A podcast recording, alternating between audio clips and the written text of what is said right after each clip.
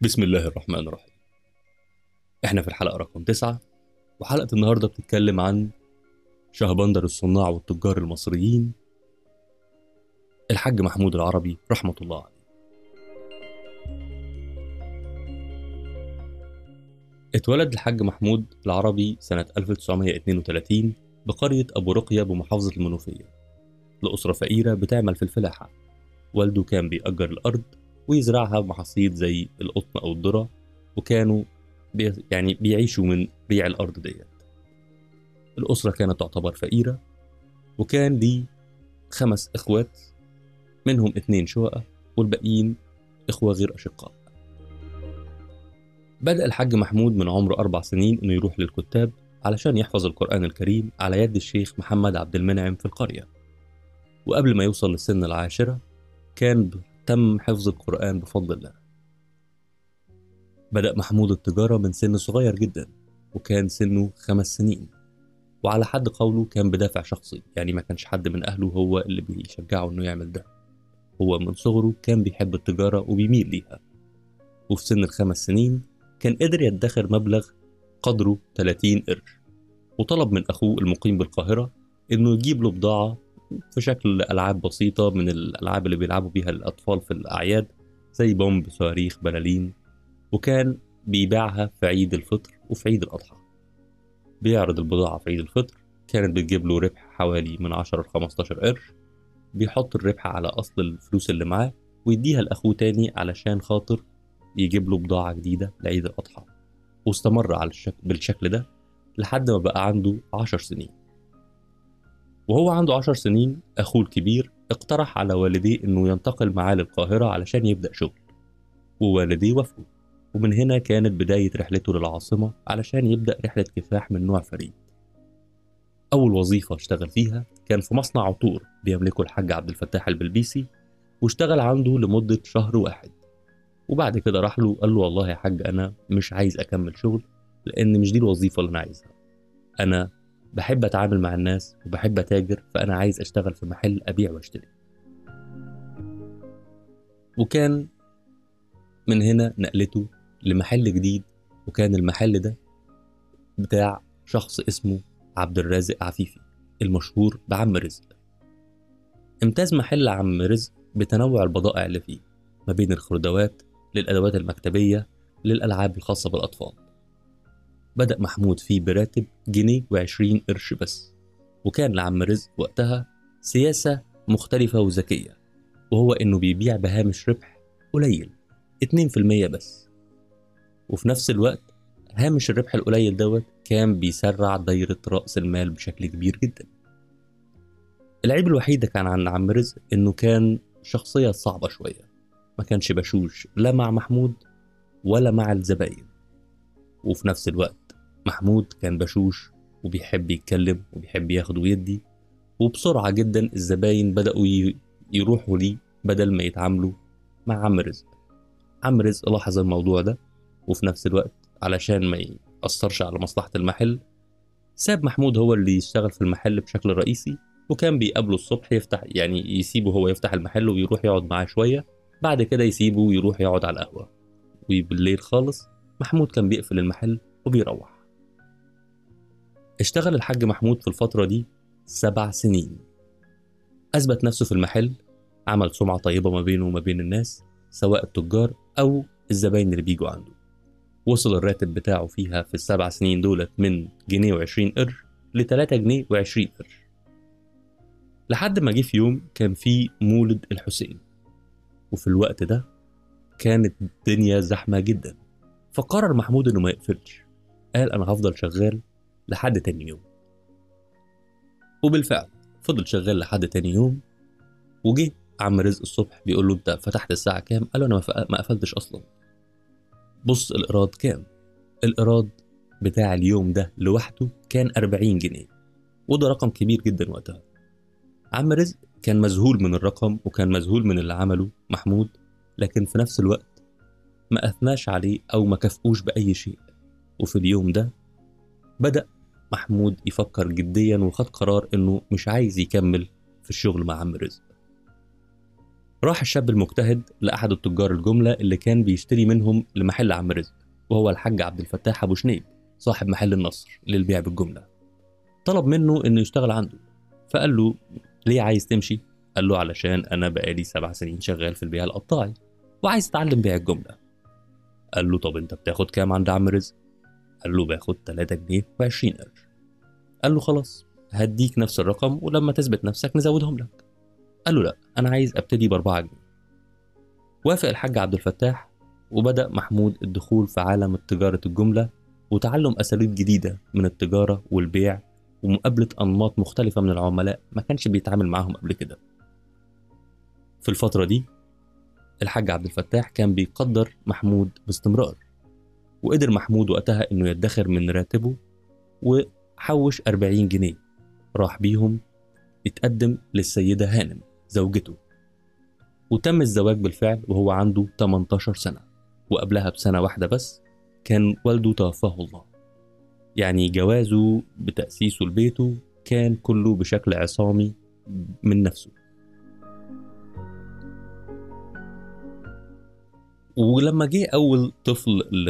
أو أول مولود للحاج محمود الحاج عبد الفتاح زود الراتب بتاعه علشان يبقى وقتها 6 جنيه. وفي سنة 1954 تم استدعاء محمود للجيش. ووقتها أخد ثلاث سنين في الجيش.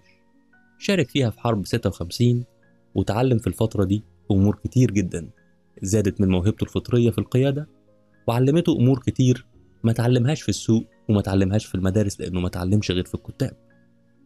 وعلى حد قول الحاج محمود في أحد اللقاءات فترة الجيش كانت ثلاث سنين وثلاث شهور وخمس أيام. ولما كان بينزل أجازات في وقت الجيش كان بيروح يشتغل في المحل عادي جدا عند الحاج عبد الفتاح. اشتغل الحاج محمود في المحل ده لمدة 15 سنة. وصل فيها الراتب بتاعه اللي بدأ من 4 جنيه ل 27 جنيه. وكان هو الشخص الوحيد في المحل اللي ارتفع راتبه للقدر ده.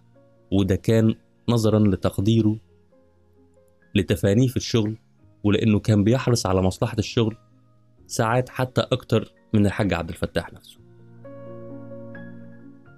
في الوقت دوت كان دايما ليه دعوة بيقول يا رب مية ألف جنيه ومحل زي محل البرنسيسة. وده كان محل كبير قدام محل النصر اللي كان شغال فيه. وطبعا أغلب اللي كانوا بيسمعوه وقتها كانوا بيقولوا يا عم قول كلام يتهيألي وقتها المية ألف كانوا بمقدار مليون جنيه تقريبا. وكان بيرد عليهم وبيقول لهم مفيش حاجة كتير على ربنا ربنا قادر إنه يحقق لي اللي أنا بطلبه. في فترة الشغل ده في محل النصر اتعرف على شخص اسمه عنتر. كان زميل عمل شغال مندوب بيجيب مبيعات من المحافظات التانية للمحل. العلاقة ما بينهم كانت قوية وتحولت لصداقة والاتنين كانوا بيجمعهم حلم أو فكرة إن هم يستقلوا ويبقى عندهم محلهم الخاص.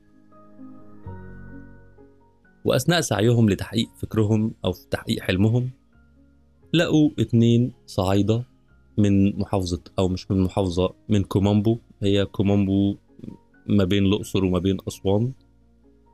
الاتنين الإخوات دولت كان معاهم 4000 جنيه وكانوا عايزين يستثمروا. عرضوا عليهم فكرة الشراكة ووافقوا وكانت الاتفاق إن دي يبقى النسبة 50 50 50% للاتنين الإخوات و50% للحاج محمود وصديقه عنتر. الحاج محمود خد ال 4000 جنيه دور على محل هو وصديقه دفع 2000 جنيه خلو ورجل للمحل و500 جنيه للديكور واتبقى معاهم 1500 جنيه. الطبيعي ان هم يشتروا بيهم بضاعة. الحاج محمود خد ال 1500 جنيه حطهم في الخزنة وقفل عليهم. عنتر قال له طب هنجيب بضاعة منين؟ قال له اصبر وهتشوف هجيب بضاعة منين. ما كملوش بعد الافتتاح بأيام بسيطة وشاء القدر إن صديقه عنتر يمرض بشكل قوي يمنعه من إنه يشتغل. وهنا المسؤولية كلها كانت على عاتق الحاج محمود وشخص تاني بس واحد كان بيعمل معاه في المحل.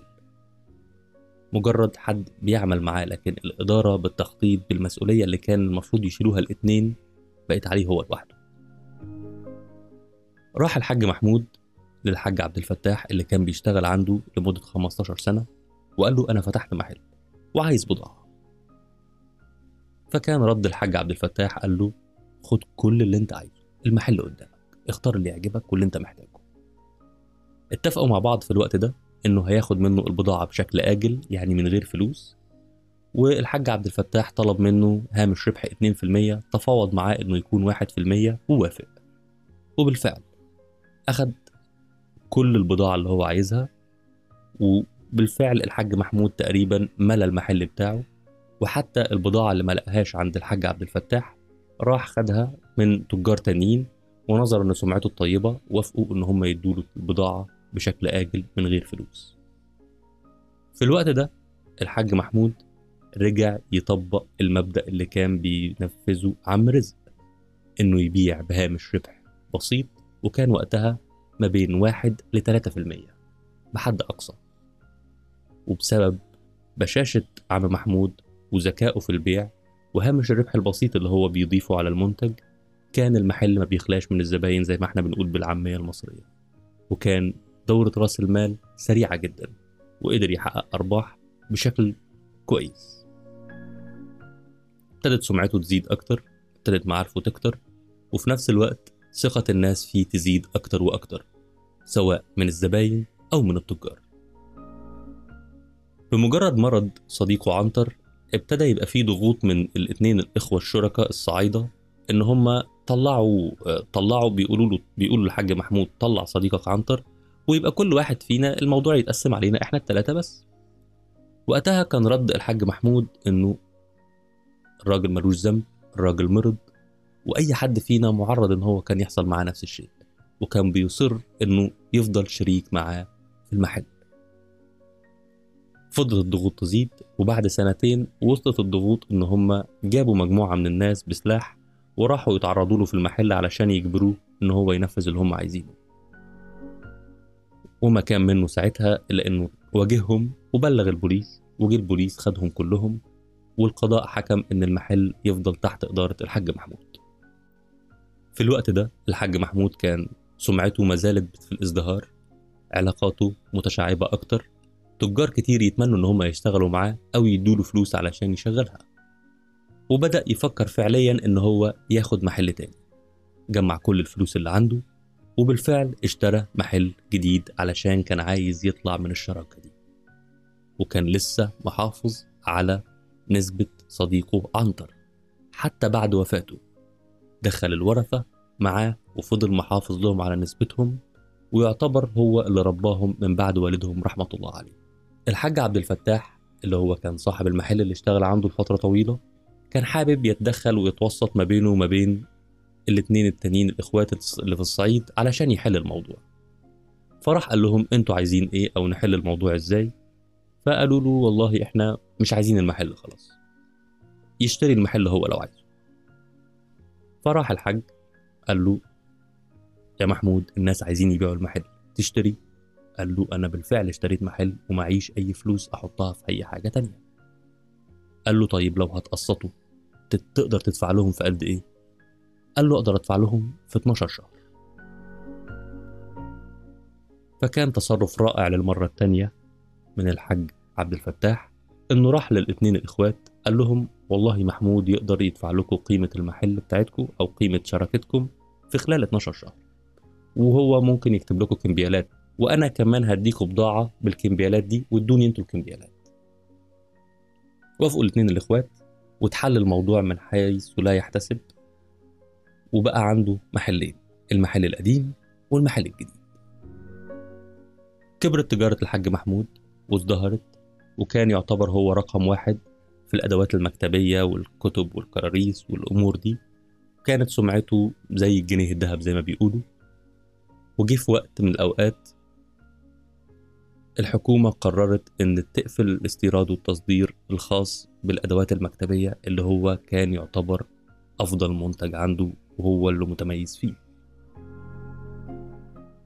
وفي نفس الوقت كانت في الفترة دي الأجهزة الكهربائية اللي ما بين المروحة والتلفزيون الأبيض والأسود والراديو كان ابتدى يبقى ليها رواج في السوق وكانت بتيجي من دول مختلفة زي غزة ليبيا السعودية.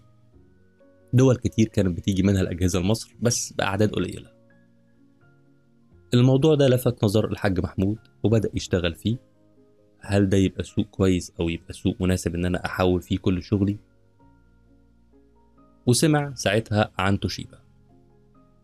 وسمع إن في تاجر مصري جاب عشر تلاف مروحة. راح اشتراهم كلهم منه. سمع إن في تاجر تاني جاب عدد معين من التلفزيونات. راح اشتراهم منه كلهم. وحطهم في المحل بتاعه. وبرضه كان بيبيع بهامش ربح نفس القيمة اللي إحنا كنا بنتكلم عليها في الأول. 2 ل 3% بحد أقصى. في الوقت ده كان عنده زبون ياباني كان بيدرس اللغة العربية في مصر. كان معتاد يروح يتفرج على البضاعة ويهزر مع الناس اللي شغالين وكان بيحب محل الحاج محمود لأنه معجب بالأسلوب اللي بيدير بيه المحل وبالأسعار اللي كان بيقدمها اللي كانت تعتبر أسعار تنافسية. أول لما شاف كل الحاجات التوشيبا دي في المحل قام مصورها من تلقاء نفسه وقام باعتها لليابان. فكان رد فعل الناس اليابانيين إن هما بعتوا اتنين مندوبين يقيموا التاجر اللي عمال بيجمع في بضاعة توشيبا الاتنين المندوبين كانوا مختلفين لأن هما دخلوا المحل لقوا المحل في بعض الستاندردز اللي عندهم مش موجودة. على حد قول الحاج محمود في أحد اللقاءات كان بيقول مفيش تلكس مفيش مكتب خاص مفيش أمور كتير هما كانوا متصورين إن هي تبقى موجودة لكن في بضاعة أنا محافظ عليها وببيعها. فإن ساعتها اختلفوا الاتنين. واحد بيقول إن الراجل ده مناسب إن هو يكون الوكيل بتاعنا. واحد تاني بيقول له لأ مش مش هينفع يبقى الوكيل بتاعنا. والصديق أو الشخص اللي الياباني اللي عمل المبادرة بإن هو صور المنتجات كان عمال بيقول لهم أنا مصر إن ده أحسن حد ممكن يبقى وكيل لعلامة توشيبا في مصر.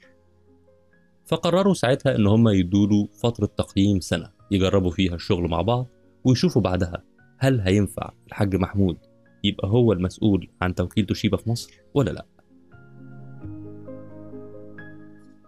وفي السنة دي الحاج محمود نجح في اللي هو بيعرف يعمله بكفاءة وهو إنه يبيع بضمير ينفذ وعوده ما يديش وعود هو مش قادر على تنفيذها ببساطة يتفانى في شغله.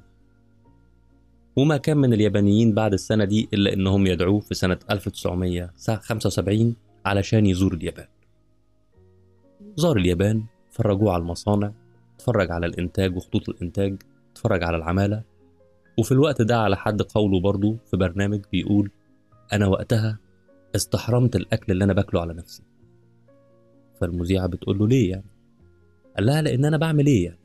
أنا بشتري بضاعة بدفع عليها جمارك ببيعها وبس ليه ما يبقاش عندي مصنع؟ ليه ما يبقاش في عمالة بالشكل دوت شغالة معانا؟ ليه ما نتوسعش وننتج بدل ما نبقى إحنا مجرد بنبيع؟ وقتها كلم اليابانيين قالوا له اصبر إحنا لسه بنشوف موضوع التوكيل وهنشوف موضوع التصنيع دوت بعدين رجع الحاج محمود من الرحلة دي والفكرة مسيطرة عليه إنه عايز يعمل المصنع أو عايز يخوض تجربة التصنيع. وساعتها قال لنفسه والله أنا هشتري حتة أرض وأجرب أعمل عليها مصنع. ربنا وفقني يبقى أنا نجحت فيها. ربنا ما وفقنيش فيها يبقى أنا هيفضل عندي تمن الأرض وأقدر أبيعها ومش هبقى خسرت كتير. استمر شغله مع اليابانيين حقق نجاح رائع وحقق علاقة قوية جدا ما بينهم.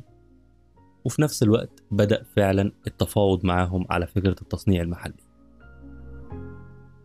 بدأوا الأول بنسب متغيرة 60% ليهم 40% بعد كده ال 60% دي ال 40% للحاج محمود تبقى 60 بعد كده ال 60 دي تبقى 90 وبالفعل أثبت جدارته وأثبت نفسه وبدأ بالمراوح بعدها الراديو بعدها التلفزيون وكلنا عارفين يعني إيه توشيبا في مصر. يعني العربي ويعني إيه العربي؟ يعني توشيبا. سواء المصنع اللي موجود في المنوفية أو المصنع اللي موجود في القليوبية أو منافذ البيع اللي موجودة في كل مكان. الحاج محمود من الناس اللي ليها أيدي بيضاء على كتير قوي من الناس في مصر وبره مصر. وما حبيتش أتكلم عن الخير اللي هو بيعمله لأنه مش هقدر أحصره بفضل الله وبركته ونسأل الله أن يكون في ميزان حسناته خالص لوجه الله. بس اللي حابب أقوله هنا إنه ما كانش عنده حلم التجارة بس أو ما كانش حابب إن هو يبقى تاجر ومصنع بس. كان بيحلم إنه يبقى عنده أماكن بتعلم فيها الناس الدين. وفعلا شرع في الموضوع دوت وعنده مجموعة معاهد. كان بيحلم إنه يبقى عنده مدارس. وبرضه ساعد ناس كتير وعنده مدارس. كان بيحلم إنه يتدخل في القصص بتاعة الطب وان يبقى عنده مكان طبي بيعالج بقيمة مالية بسيطة وبيعالج بالمجان للي ما يقدرش. وبرضه ربنا كرمه ومكنه إنه يعمل ده. حتى في الفترة اللي دخل فيها مجلس الشعب برضه كان عنده حاجات كتير عاملها في, الدايرة بتاعته. منها إنه كان عامل مطعم فوق المحل بتاعه أو فوق الأدوار يعني في آخر دور المحل بتاعه والمحل دوت كان بيطعم الناس بالمجان. وقتها هو كان عمله لرمضان بس بس بيقول أنا سألت نفسي يعني الناس تشبع في رمضان وتجوع باقي ال 11 شهر؟ فقال لأ المطعم ده ما يتقفلش يفضل شغال طول السنة. تاني مش هقدر أعد الخير بتاع الحاج محمود. ومش الهدف إن إحنا نعده أو نحصره ربنا يبارك له فيه ويزيده ويجعل منه المستور أكتر من اللي معروف بس الهدف من حلقتنا ومن الكلام اللي بنتكلمه أنا ما كنتش محضر أصلا إن أنا أعمل حلقة. الحلقة اتعملت بسبب وفاة الحاج رحمة الله عليه اللي تم دفنه النهارده تاريخ 10 سبتمبر 2021 بس من الجميل والصدفة اللي شايف إن هي صدفة جميلة جدا إن الحلقة اللي كنت بحضر لها النهارده أو اللي كانت المفروض تتعمل النهارده وتتذاع هي حلقة بتتكلم عن مفاهيم إدارية لشخص ريادي مميز جدا في اليابان. والمفاهيم الإدارية أو المبادئ الإدارية اللي عنده اللي قدر من خلالها يعمل طفرة رائعة جدا ولحد النهارده اسمه مفيش حد ما يعرفوش في العالم كله مش في اليابان بس. في مبادئ كتير جدا وقريبة جدا من اللي بينفذها الحاج محمود. وعلشان ما يختلطش الأمر علينا أنا ما بقولش إن الحاج محمود كان بياخدها من اليابان. لا الحاج محمود كان بيعمل الحاجات دي بفطرته وبعفويته وبذكائه وبفضل الله عليه سبحانه وتعالى من نفسه من خبرته في الحياة. ما كانش متعلم في اليابان أو ما كانش بينقلها من اليابانيين مع إن حتى لو ده حاصل مش عيب بس هو ما كانش حاصل أصلا. فبإذن الله الحلقة اللي جاية هتكون هي الحلقة اللي كانت المفروض تتعمل النهارده اللي هنتكلم فيها عن مفاهيم مختلفة شوية عن المفاهيم اللي إحنا متعودين عليها في التجارة وفي الإدارة. والمفاهيم دي قدروا اليابانيين يحققوا بيها إبداعات وإنجازات كتير جدا. أسألكم جميعا الدعاء وقراءة الفاتحة للحاج محمود ونسأل الله إنه يثبت ويصبر ذويه وأهله. وإنه يرزقهم حسن البطانة وإن هم يكملوا نفس السعي ويضيفوا عليه أكتر وأكتر إلى ما شاء الله. شكرا لكم كان معكم زياد موسى. من حلقة رقم تسعة من استراتيجي ريفيو أشوفكم على خير. سلام عليكم. في حديث قدسي عن الله عز وجل بيقول أنا ثالث الشريكين المتحبين وإذا خان احدهم الآخر خرجت أنا وحل مكان الشيطان.